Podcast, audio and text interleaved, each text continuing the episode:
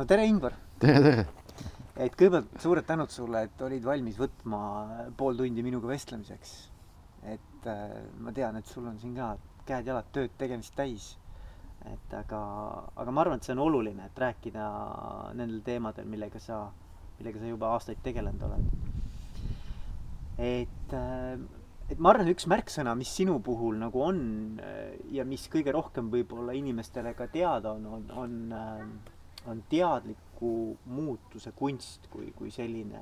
et äh, võib-olla kõigepealt olekski hea alustada sellest, räägi, millega sa tegeled, mis asi see teadliku muutuse kunst on, kõige, kõige lihtsamalt öeldes? kõige lihtsamalt öeldes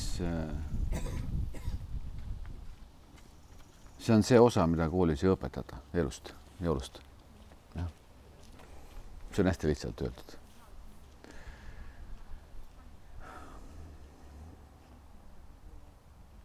See põhineb mõningatel sellistel äh, olulistel faktidel. et äh, esimene fakt on see, et, ähm, et iga inimene omab teadvust ehk ta võib olla teadvel ehk teadlik teadlik inimene on äh, natukene erinev sellest inimesest, kes ei tea seda ehk ei kasuta praktiliselt.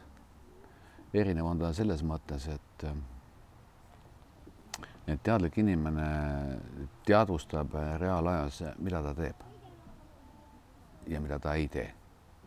ehk tal on enda jaoks pilt selge sellest, mis toimub ja milline on tema roll selles. Need inimene, kes teadlikkust ei kasuta, sellel sellist pilti ei ole, et selline inimene on tavaliselt ähm, toimetamas äh, erinevate nii-öelda sisemiste protsesside poolt, erinevate mõtete ja emotsioonide ehk siis selliste nõndanimetatud komplekside poolt. ja sellisel puhul võib alati öelda umbes niimoodi, et et ma teen midagi, aga ma ei tea, miks ma teen seda et ma nagu ei ei ole selle protsessi algataja, et see saab alguse teisi teid pidi. ehk ei ole teadlik otsus. aga et äh, teadlikkus on praktiliselt kõigil olemas, siis on vaja lihtsalt mõningaid selliseid äh, teadmiseid, meetodeid ja, ja praktikat. et õppida ära, mis asi see on, pikendada selle kasutamist ja ja rakendamist. teadlikkuse kiituseks võiks öelda seda, et, et kui tavaliselt inimene on nagu natuke nagu unes. Nagu noh, sa, sa nagu toimid nagu, nagu robot või nagu selline mehaaniline üksus. ja sa, see on võrdväärne natsi nagu noh, sellise noh, tundmatuga. aga teadlikkuse kasutuselevõtt nagu lülitab lambid sisse. et sa nagu hakkad nagu märkama, nagu aru saama, mis nagu toimub sõna otseses mõttes. ja kui sa oled nagu, nagu näiteks pimedas, eks ole, ja kobad seal metsas, siis sa teedki seda, mis sa seal teed. aga kui sul on tuled, paned tuled põlema, siis sul on hea orienteerumise võime. sa tead, mida teha, kuidas teha, leiad mingisuguseid lahendusi asjadele, mida pimedas metsas muidu noh, nagu väga hästi ei leia, eks ole ja nii edasi.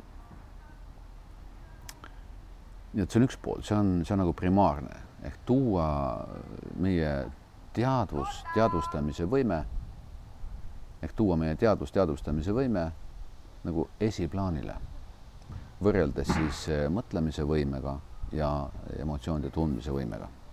muuta sellest, eh, sellest triaadist siis see olulisemaks.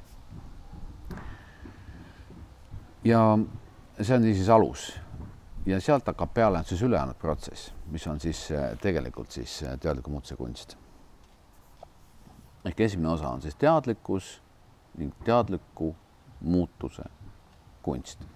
Kui vaadata, mida siis tegelikult oleks vaja elus muuta no väga paljud saavad aru, eks ole, et elus on sellised olukorrad ja on tarvis neid muuta ja vaja mingeid otsuseid vastu võtta ja, ja mingid kohustused ja, ja soovid ja hobid ja, ja armastus ja kõik sellised asjad, eks ole, jah.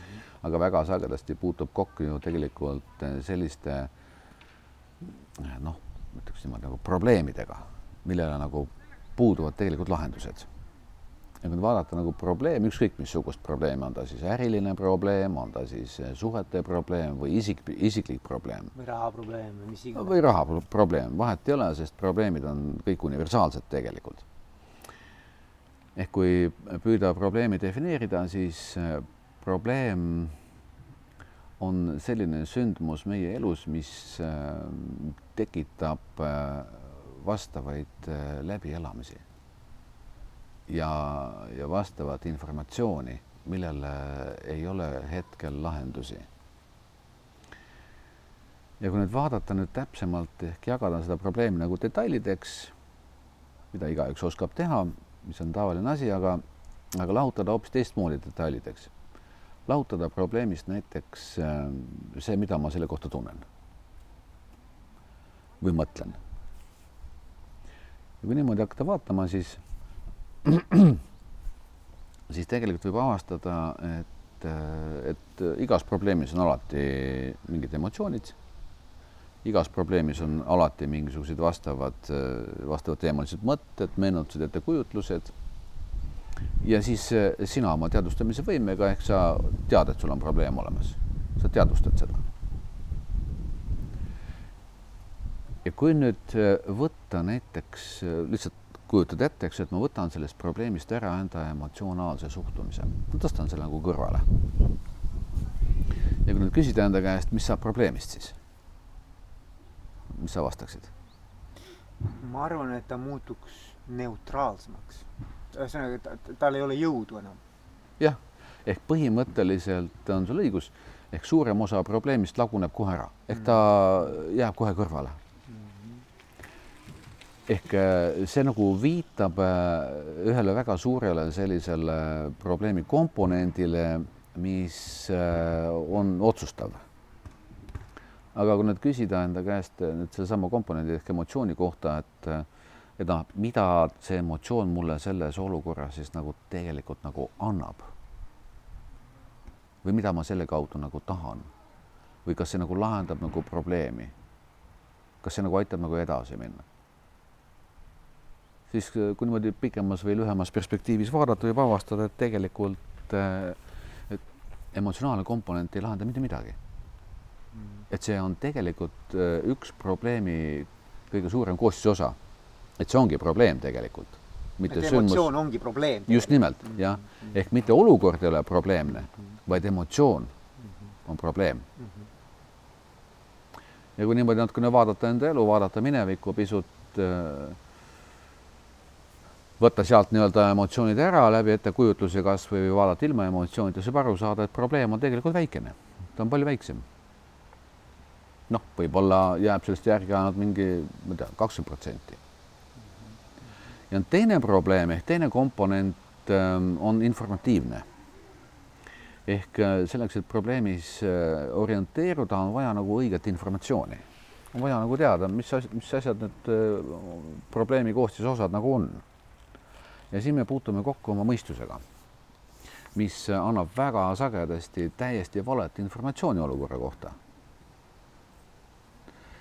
noh, näiteks, mis see valeinformatsioon võib olla, näiteks on mingisugune probleem, eks ole, sa oled selle probleemi allika juurest ära ja siis tükk aega mõtled sellele, mida sa oleks võinud öelda, kuidas oleks võinud teha, miks sa tegid selliseid otsuseid minevikus ja kõik see kõik need nad on lollid, eks ole, tõmbasid naha üle kõrvade või ei täitnud lubaduse, mis iganes, eks ole mm. -hmm. ehk praktiliselt võiks öelda niimoodi, et sa oled probleemi situatsioonist väljas ja sa tegeled probleemiga veel edasi. kerid nagu mm -hmm.? jah, kerid äh, ja ilma põhjuseta.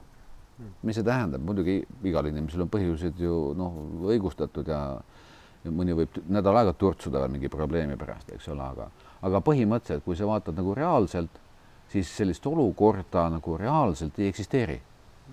aga inimese sisemaailmas ehk tema mõttes, ettekujutluses, meenutuses eksisteerib see veel väga pikka aega. ja sisuliselt võiks öelda, et see on üks suur selline äh, informatiivne üksus, mis töötab iseseisvalt ja toodab siis äh, sulle sellist äh, nagu valet infot sündmuste kohta, mis on näiteks ammu möödas juba mm. -hmm lisaks, kui vaadata nüüd sisuliselt, mida, mille, mida sa mõtled ja millest sa siis mõtled ja kui hästi sa mõtled, no sealt võib igaüks leida mingisuguseid probleemseid kohti, eks ole. ehk äh, toetumine mõtlemisele, nagu tavaliselt seda tehakse, ei, ei pruugi üldse olukordi lahendada kõige parimal viisil. ja ma arvan, et äh, kuulajad teavad enda, enda kogemusest seda, et äh, probleemid lahenevad siis, kui sa taipad, kui sa saad nagu aru. aga taipamine ei ole mõtlemine, see tekib mõtlemise käigus näiteks või, või, või peale mingi teema, teemaga arutlemist, nagu öeldakse, et siis sa saad nagu teada, aa, see on lahendus. ja siit tuleb välja nii-öelda kolmas komponent, mis tegelikult aitab sind. ja see komponent on nüüd otseselt seotud äh, teadlikkusega, millest ma alustasin. Et taiplikkus on tegelikult teadlikkuse tulemus taiplikkus kuulub lahutamatult teadlikkuse juurde. see on, see on nagu üks kepp, eks ole, tal on üks ots ja teine ots, nii kaua kui sa ühte vahid, teine sa teist. aga sa võid õppida nagu mõlematega vaatama. ja taipamise kaudu siis leiab lahendused. ehk sisuliselt võiks öelda, et, et see osa ongi teadliku muutuse kunst. Ehk ma kordan üle, et sa võtad oma teadlikkuse kasutusele, vaatad läbi nagu reaalselt äh, erinevad pro probleemi komponendid sest äh, teadvustamine on alati neutraalne, mis on äh, objektiivsuse alus tegelikult. sa vaatad nad läbi, eks ole, jätad emotsiooni kõrvale, vaatad informatsiooni läbi ja siis hakkad aru saama, mis on tegelikult probleem ja mis tegelikult ei ole probleem, eks sa nagu saad nagu liita, lahutada piltlikult. Ja siis võib tekkida taipamine sellest, kuidas siis olukorda tegelikult lahendada. aga et need äh, protsessid nii-öelda ehk eh, need protsessid on siis emotsioonid ja mõtlemine on niivõrd automaatsel tasandil, et nende ohjamine, nende juhtimine on ülikeeruline probleem tegelikult, sest selle, sellega hakkama saada on väga raske tegelikult. Ja teadliku muutuse kunst on siis see, mis eh, seletab arusaadavalt just nimelt seda osa, et mis osa on emotsionaalne osa, mis asi on see mentaalne ehk mõtteline osa, mis asi on teadlikkus ja kuidas nad moodustavad omavahel komplekse mm. -hmm. ja ütleb, et need kompleksid on igal inimesel sisse õpitud. ei ole sünniga kaasnenud, vaid on sisse õpitud äh, elu algusest kuni siis ehk käesoleva hetkeni. Ja et nendest on võimalik vabaneda noh, kui nad on õpitud, siis nad on võimalik nagu unlearn, et äh, nagu, nagu, nagu ära teistmoodi nii-öelda üles ehitada. ma ei räägi teistmoodi ülesehitusest, ma räägin vabanemisest ah,. täitsa vabanemine. ja, ja, ja vabanemine tähendab seda, et sul seda ei ole enam pärast mm. -hmm, okay. et tüüpiline on, nagu sa väga õieti märkisid, on see, et äh, nad püüa, püütakse kas ümber sõnastada, ümber mm -hmm. mõtestada, luua midagi uut, aga siin tekib alati selline küsimus, aga kuhu vanad jäävad. Ega nad kuskile ära ju ei kao. Mm. -hmm. Need jäävad ju alles. Ja seda on näha siis läbi erinevate selliste noh, nagu elusündmuste, et sa oled, tahad hea inimene olla, saad aru, et tegid sigadusi, surud alla selle, hoiad kontrolli, aga mingil hetkel lööb see kõik välja. Ja on jälle kõik mokas. Aga ma arvan, et vaata nagu psüh-, kui ma võtan nagu psühhoteraapia, eks ju, ma olen ise natuke kokku, kokku puutunud sellise gestaltpsühhoteraapiaga. Mm, -hmm. seal nagu see loog-, seal on ka teadlikkus, on, on suur teema, on teadlikkus, aga mm -hmm. see teadlikkuse kasutamine seal on selleks, et see piirdub, tähendab minu arvates sellega, et aru saada, mis on sinu muster või noh, nagu sa nimetad, kompleks, e, et, et kuidas sa reageerid, et mis, mis on ühe või teise sellise situatsiooni juures nagu sinu selline musterkäitumine ja, ja näidata alternatiive noh, nii-öelda, et teadlik, tähendab, kui sa saad juba teadlikuks, et ma, vot nüüd ma kasutasin seda, et, et ma, ma mitte isegi automaatselt, vaid et sul on mingi hetk, kus sa suudad nagu eristada, et, et ahah, nüüd see muster nagu võimendus või tuli ülesse.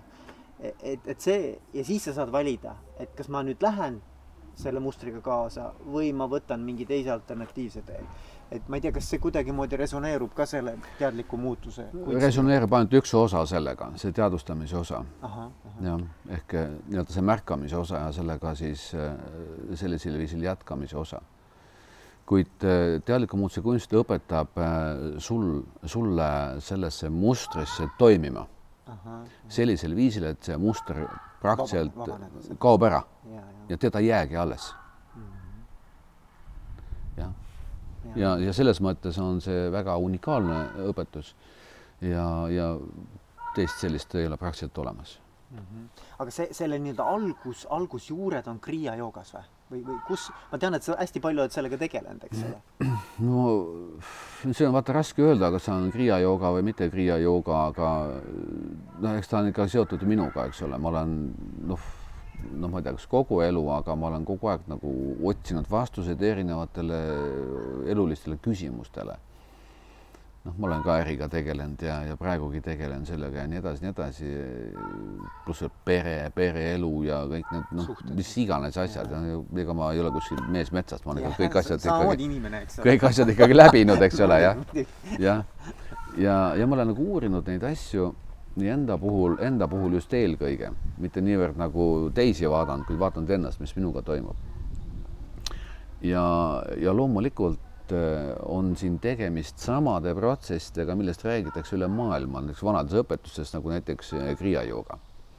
kuigi need, need õpetuse osad, mis on DMK-l tuntud, on sellised noh, üksikud komponendid äh, kriia joogast, sest kriia jooga on ikkagi high-tech et DMK on selles mõttes nagu ettevalmistav osa. Kriia jooga läheb veel sügavamale, veel kaugemale ja arendab veel noh, neid, neid tasandeid, mida inimesed üldse elus ei kasuta. no mis on nagu potentsiaalina küll olemas, aga, aga kasutamata. nii et kui nüüd võtta näiteks aluseks seesama see teadlikkus, teadvustamise võime siis see on praktiliselt märgitud ära kõikides sellistes eesrindlikes õpetustes, mitte ainult idamaistes, vaid ka, vaid ka lääne inimeste juures, võta või näiteks mingid kuulsad filosoofid, eks ole.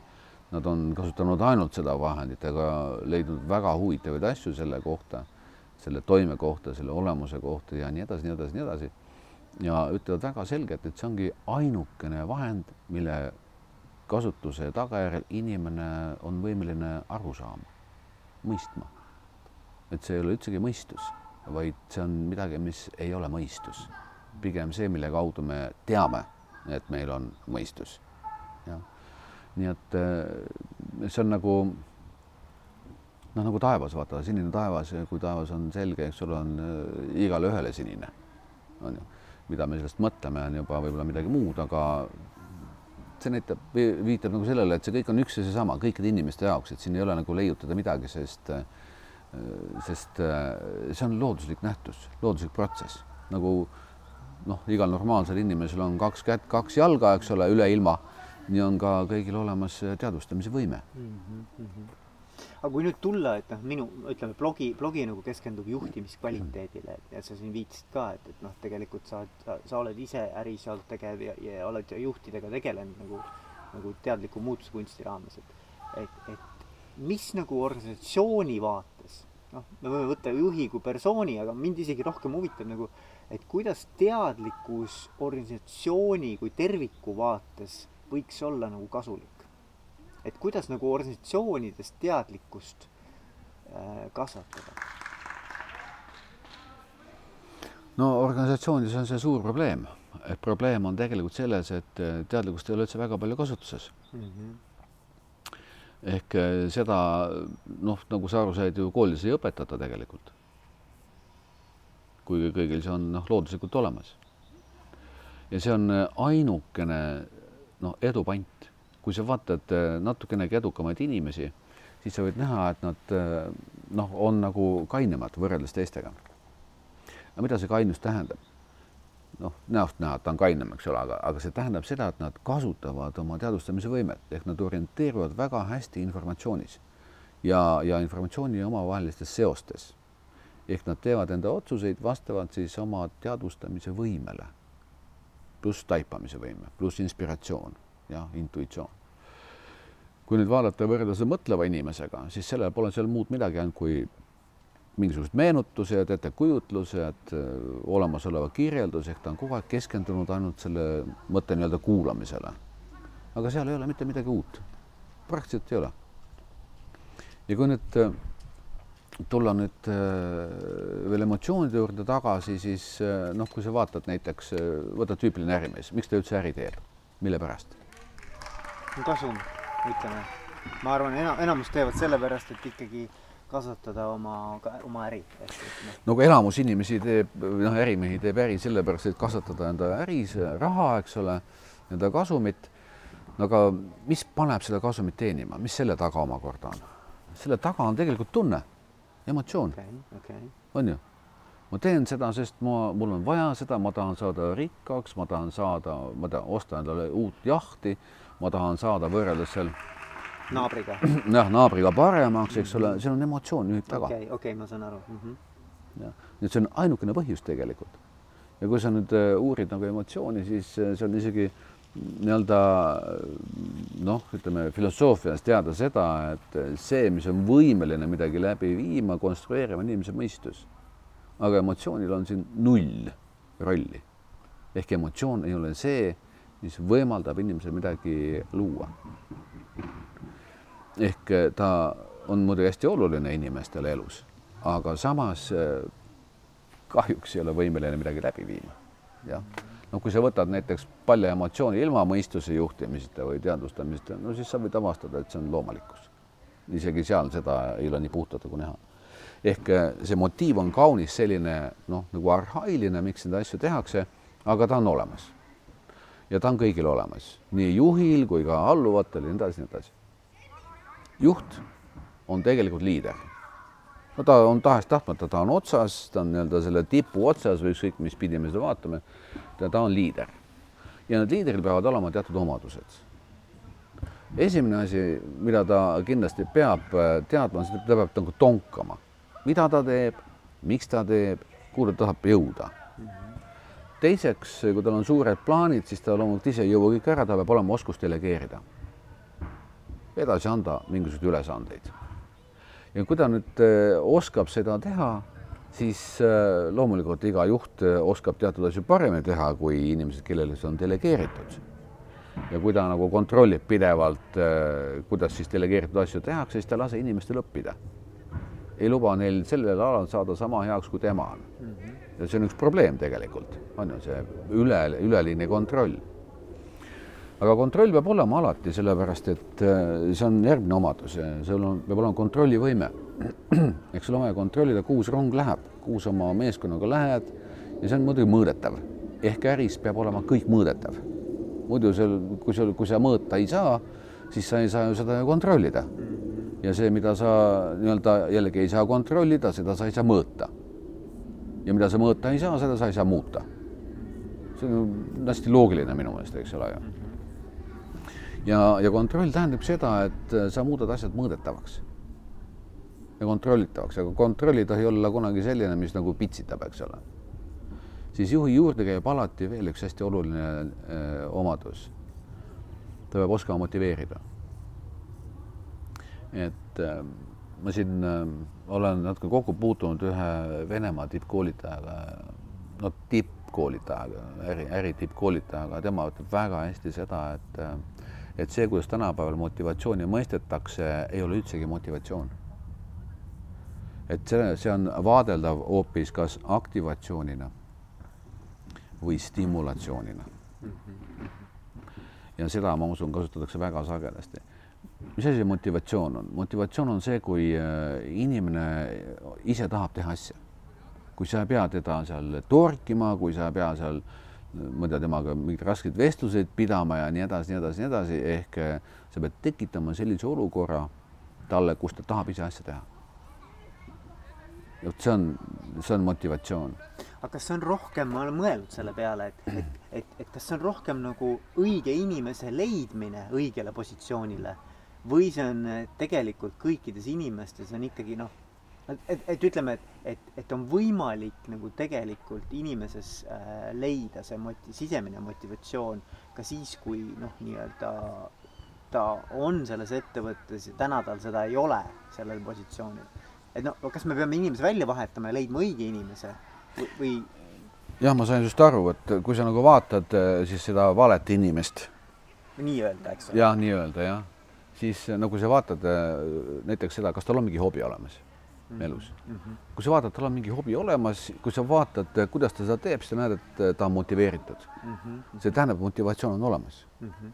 ehk pigem ma ütleks niimoodi, et neid inimesi, keda ei saa motiveerida ehk kellel äh, ei ole motiva-, motiveerituse võimet, ma jätan praegu selle aktivatsiooni ja stimulatsiooni täitsa kõrvale, mida tavaliselt tehakse, mis on ka jube kallis, kas ei ole või? on, on muidugi, see On ongi raha, raha on seal. jah, siis tegelikult on võimalik juhil leida ja see ongi üks juhi rollidest, leida üles see asi, mis, mis äh, tekitab äh, motivatsiooni töötajas. ja vot, vot selle motivatsiooni hoidmine, sellele nagu aine andmine on kõige olulisem asi. see on ju väga oluline minu meelest, kui inimesed teevad äh, sulle neid asju, saades muidugi palka selle eest äh, nagu hea meelega.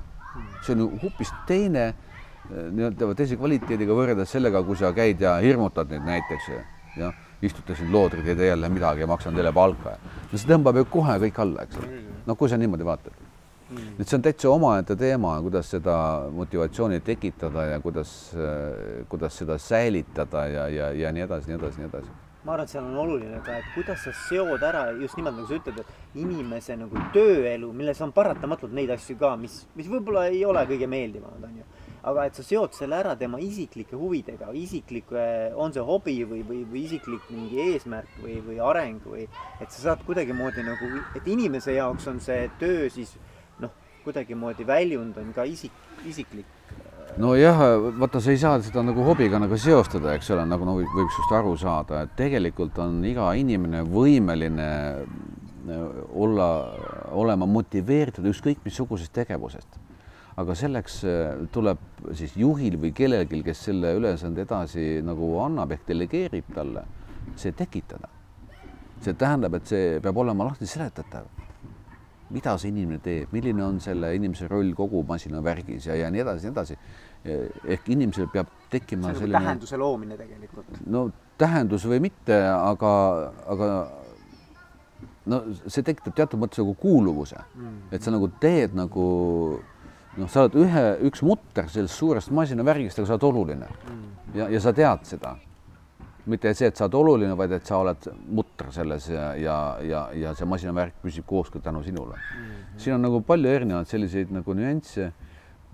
see oleks mingi terve koolituse teema võib-olla, aga, aga põhimõtteliselt ja, ja, ja loomulikult eh, noh, viimane oluline asi, mida juht eh, ehk liider siis peab teadma, on tagasiside.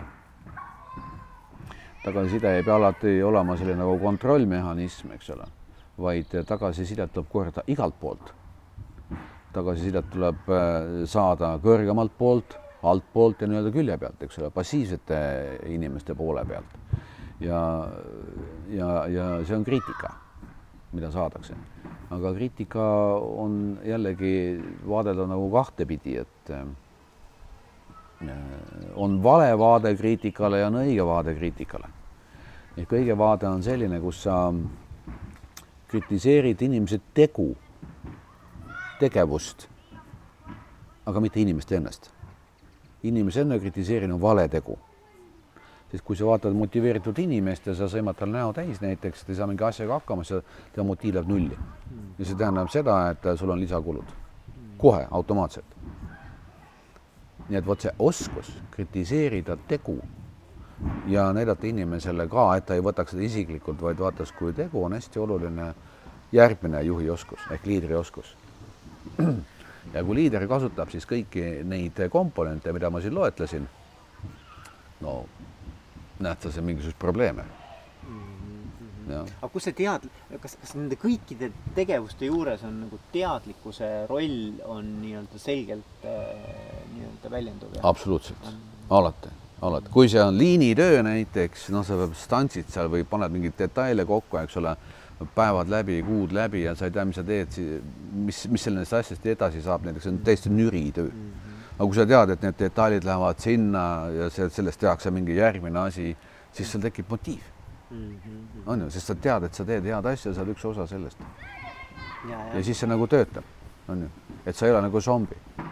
sest paljud inimesed ju käivad ju tööl noh, nagu noh, vabandage väga nagu zombid, eks ole. ta ei tea, miks ta käib, talle ei meeldi see töö, ülemus on selline, eks ole, ülemusel on jälle vastupidine vaade, et töötajad on sellised. see on tegelikult liidri tegemata jäänud töö. Et inimesed ei ole selles süüdi.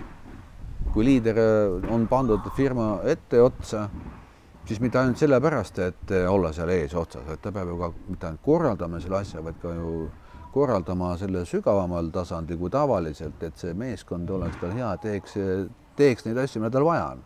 on ju nii? muidugi on lihtne võtta ja vahetada välja, et vale inimene, ei ole vale inimene. liidrid lihtsalt eh, on vastava, kuidas öelda, et nagu teadmise puudumisega, neil pole seda teadmist tegelikult. jah, võta, löö numbritesse kokku ja vaata, kui, kui kallis on inimeste vahetus ja, ettevõttes, kui kallis on nende aktiveerimine, nende stimuleerimine, sa saad noh aru natukene. Mm. ju, nii et siin on tööd küll ja küll. Aga räägi natukene sellest ka, et ähm, et mis nagu sinu jaoks, kus, kus, kus see sinu jaoks sai see kogu see teadlikkuse teema alguse, et, et nagu kui mõelda, et, et kust nagu see äh, originaalis nagu, nagu tähenduse sinu jaoks on saanud? no see tegelikult on ju kõigil olemas, eks ole, no ilmselt mina kasutasin seda rohkem, tundsin huvi selle vastu, mis asi see on. ja siis ma leidsin siis äh, erinevaid äh, noh, allikaid, see oli hästi vana, vana, vanasti või palju aega tagasi ja siis ma sain, sain teada, mida, mis asi see nagu on. sest ega keegi ei tea, mis asi see on ja kõik kasutavad ja ei tea. Näiteks kui sa kõnnid ja liigutad jalgu, ega sa ju ei tea, et sa jalgu liigutad et sul on aluspüksid jalas. see ei huvita, huvita sind üldse, eks ole, aga mind huvitasid sellised asjad alla, noh, näitlikult, eks ole, piltlikult ja siis ma leidsin nagu, nagu neid kokkupuutekohti nagu kirjeldusi, kus räägitakse nagu erinevatest väärtustest ja, ja nagu primaarsetest ja sekundaarsetest asjadest. ja, ja sellised noh, jutumärkides siis vaimsed asjad on mind huvitanud ammu, kuigi võiks öelda, et vaimsed asjad on samuti praktilised, kuid tundmatud. ja seetõttu on nende kohta erinevaid selliseid arvamusi, eelarvamusi ja mis iganes. ja seetõttu on niisugused nagu natuke väljas, noh nagu tavaelust. tegelikult on tavalised asjad, kõik kasutavad neid. ja siis ma nagu leidsin need, need nähtused, nende kirjeldused ja, ja viisin asjad nagu kokku ja sain aru, et ah, see ongi see, see ongi see, millest aastatuhandeid seal pühakud räägivad ja, ja millal nad siis tegelikult noh, peavad nagu aluseks. ja, ja kui sa nagu saad pihta sellele, hakkad seda kasutama, siis sa näed tulemusi. sa näed seda, et see, millest ka nemad on rääkinud ja ongi nii et sa nagu ei loo mingisugust mõtet endale, ettekujutlust, vaid sa nagu reaalselt avastadki needsamad tõed. ja, ja see sai alguse kaua enne seda, kui, kui, kui jooga siia minu juurde jõudis, aga noh, ütleme päris jooga, sest jooga on ka ju, on niisugune natukene nagu mõistuse jooga ja emotsioonide jooga, aga on ka päris jooga ju olemas on. nii et äh, see on niisugune noh, nagu sa võtad noh, nagu mingi tavaline asi elus, eks ole, kui sa tegeled mingi asjaga, näiteks hobi, sa arened selles hobis ju kogu aeg edasi. sa vaatad, mida teised on selles vallas teinud, saad aru, aa, ta on seda teinud, onju. aa, ta tegi niimoodi, aga see ei ole ju nagu sada protsenti ju mõtlemine. Seal on see taipamine sees, see on see arusaamine. sa nagu suudad neid komponente nagu liita nagu enda mingisuguse hobiga ja nagu, nagu laiendada seda ala sama on, on minuga juhtunud sellesama sinu küsimuse kohaselt, eks ole. jah, et sa saad pihta ja sa nagu hakkad vaatama ja, ja hakkadki avastama neid asju sõna otseses mõttes. Ja ma tean, et, et noh, sa oled ise ju tuhandeid, ma ei tea, mitu tuhat inimest sa oled nüüd ära äh, nii-öelda ära nii-öelda koolitanud või, või kes on sinu juurest läbi käinud, et ma ei tea. no neid on jah palju olnud, aga no muidugi ma olen vaadanud nagu, nagu kriitilise pilguga seda koolitust ja, ja tegelikult on ikkagi noh, niivõrd eriline, et et ma ei tea, kui paljud inimesed seda jätkuvalt kasutavad. võib-olla osad ei kasuta, sest ei ole nagu pihta saanud. Aga mul on plaanis nagu äh, luua selline keskkond, äh, et saaks nagu, nagu uuesti üles soojendada, sest äh, seda ala, sest sest see jätkuõpe on nagu hästi oluline, nagu toetada inimest selles osas ja, ja ma väga loodan, et nad võtavad sealt siis uuesti kinni ja siis teevad selle asja endale selgemaks. sest see kursus on noh, iseenesest on niisugune kaunis intensiivne tegelikult jah. ja et selle kohe koha peal pihta saada, no kõik ei saa, osad saavad ja, ja, ja, ja jääbki, eks ole, aga aga osad vot vajab rohkem, vajavad rohkem nagu sellist tuge jah jah, tuge või sellist läbinerimist. ja, ja aga, aga, aga noh, selge on see, et, et mingid muutused, kui, kui sa nagu selle teadlikkuse kasutamist oskad rohkem rakendada, et mingid muutused inimeses kindlasti toimuvad, eks ju. Et mida sa ise nagu oled tähele pannud, et mis, mis on see, mis inimeses siis, kuidas seda muutust nagu, nagu kirjeldada või mis, mis siis nagu inimesega toimub? no paari sõnaga võiks öelda niimoodi, et äh, inimene muutub äh, inimlikumaks. Mm.. no seda pole võib-olla hea niimoodi öelda, sest see tekitab võib-olla mingisuguseid äh, noh, mingeid teisi mõtteid või reaktsioone sellele, aga ma ütleksin, et ta muutub arukamaks sõna otseses mõttes ehk selles valguses rohkem inimlikumaks.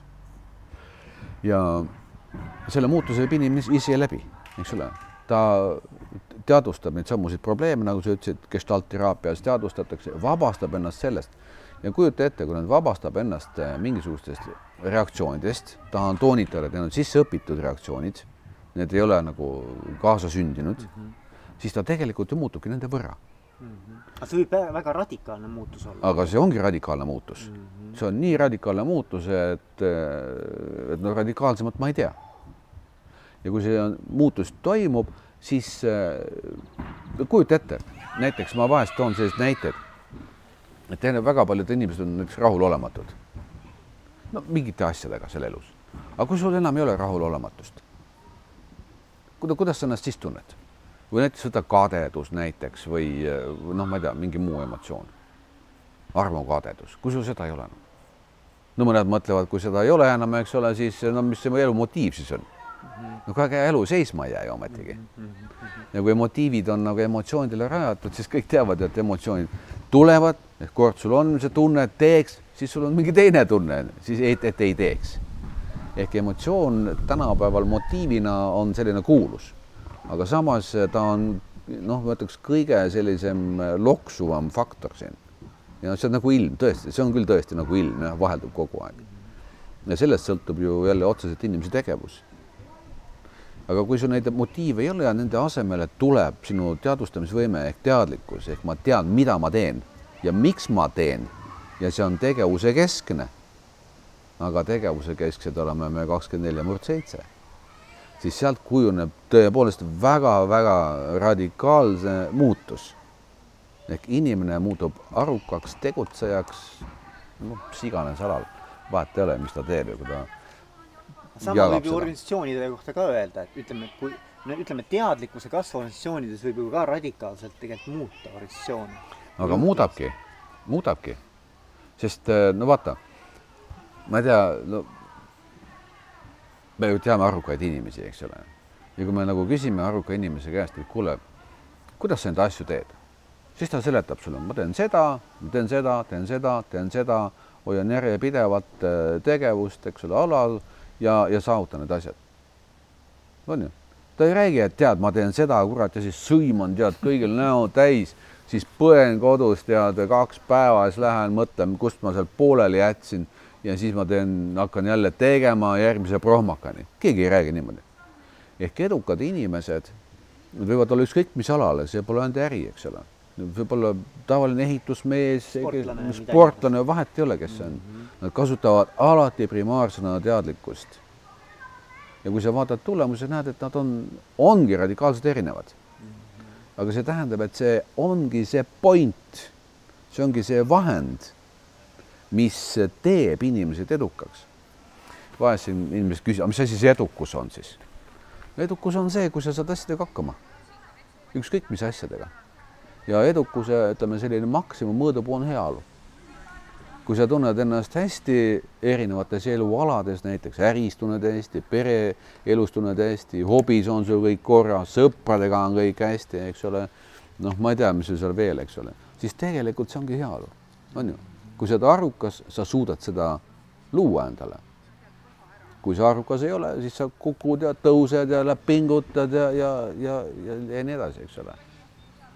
ega maailm ei ole nagu loll selles mõttes, et juhuslik et, et kuidas nüüd siis need asjad lähevad, kas õnnestub või ei õnnestu.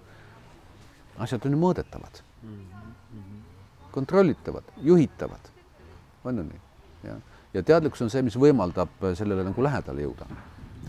Ja, ja muutus, noh, kas, kas ma, ma saan nagu, ma püüan parafraseerida, et kas see muutus algab siis inimesest endast, eks ole. muut-, muutus, sa ei saa teisi muuta, sa saad muuta iseennast ainult, eks ju. sul on sada protsenti õigus. teisi ei ole mitte kellelgi veel õnnestunud muut-, noh, nagu, nagu muuta, eks ole, see ei ole võimalik. muutus algab alati ainult iseendast ehk ennast on võimalik muuta. noh, kui inimene vaatab enda kogemust, siis see ainult kinnitab seda, on ju. noh, küsi enda käest, kas keegi on suutnud mind muuta see, see ei ole võimalik, eks ole, jah. aga kas, kas ma ise olen taibanud, et midagi oleks vaja elus muuta ja kas sellel on muutus järgnenud, siis vastus on jaatav mm. -hmm. nii et oh,. üks küsimus veel. jah, palun. kas, kas, kas, see on huvitav minu jaoks ka, et kas taiplikkus, et ma pean midagi muutma, on teadlikkus? nagu, kas see tuleneb tead-, kas muutus tuleneb teadlikkusest? jah, sealt saab see alguse vaata, teadlikkus on selline nagu no ta on niisugune nähtamatu, sa ei saa teda katsuda, ta ei ole nagu objekt, on ju. kõigepealt on vaja häda märgata. no probleem vaja, vajab märkamist. ja kui sa teda märkad, siis sa juba tead, et ta sul on, eks sa oled sellest teadlik. ja kui sa nüüd hakkad äh, sama, samal viisil teda lahti arutama nagu sisuliselt, siis sa arutad oma probleemi lahti, hakkad aru saama. nii et iga kord, kui sa midagi märkad no kas ta on siis problemaatiline asi või lihtsalt lind lendab, vaata, op, nii sa teadvustad, et ta on seal olemas. nii et iga kord, kui sa midagi märkad, tuled sa teadvale. iga kord. jah, nii et see on hästi selline naturaalne protsess ja, ja seda kuidagi nagu, nagu luua, nagu seda märkamist ei saa niimoodi kunstlikult läbi mõtlemise, ettekujutlemise, mis see siis on. nii et pange tähele, märgates tuled sa teadvale sellest asjast seal.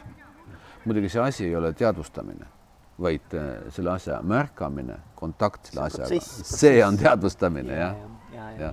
ta ei ole isegi protsess, ta on isegi, ta on nähtus okay.. ta on nii-öelda, ma ütlen, monistlik nähtus.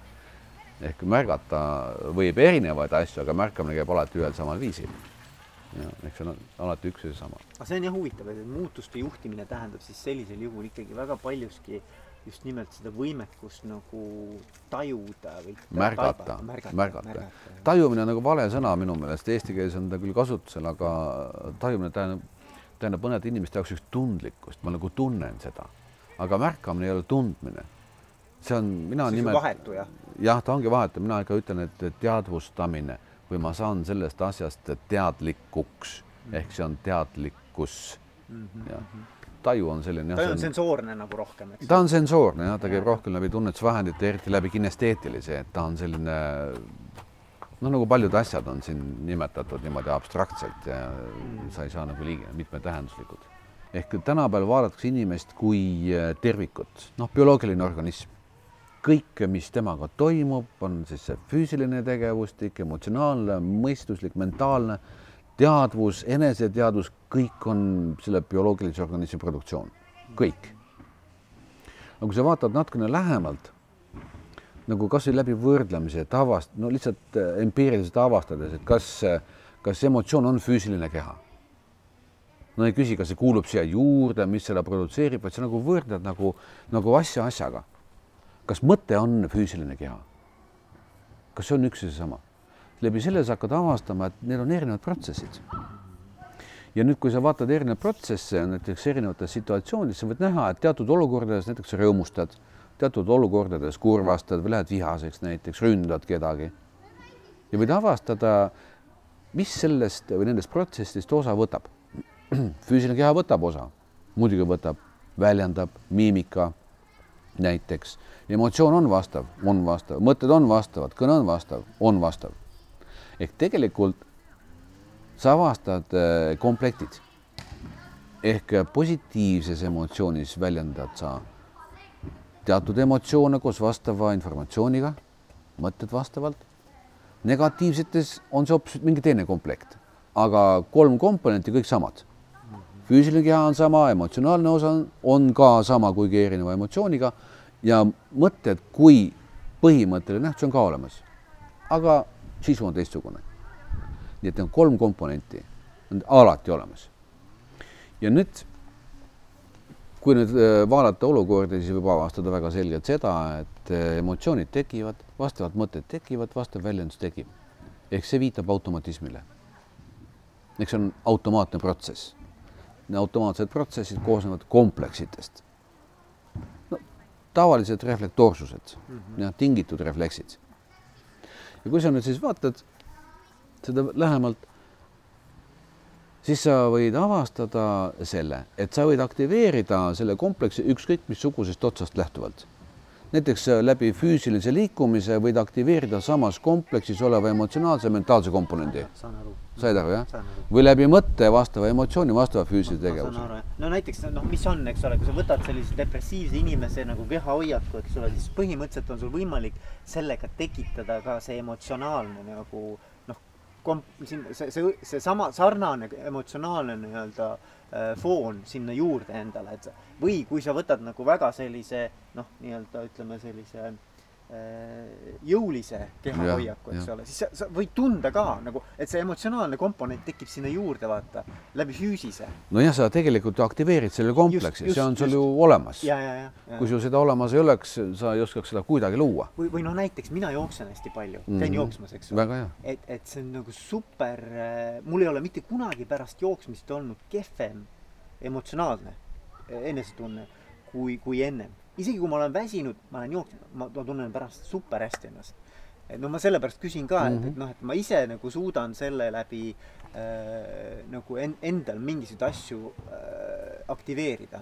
ja loomulikult, aga vaata, siin ongi teil tegelikult üks probleem ehk äh, paljud inimesed teevad seda, näiteks on raske tööpäev, ta läheb, aktiveerib läbi alkoholi midagi.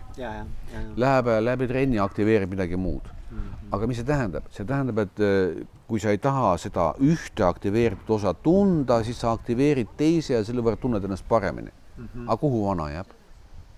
see, mis muutus passiivseks ja see, mille nüüd siis äh, aktiveeruv nagu noh, asendas mm. -hmm et noh, see tegelikult ei vabasta, eks ole. ei, absoluutselt ei vabasta, see on ümberlülitumine. just, just. ja, ja, ja TMK eripära ongi see, et ta aitab vabaneda nendest äh, Äh, nii-öelda kompleksitest, mis tegelikult ei, ei ole elule nagu head.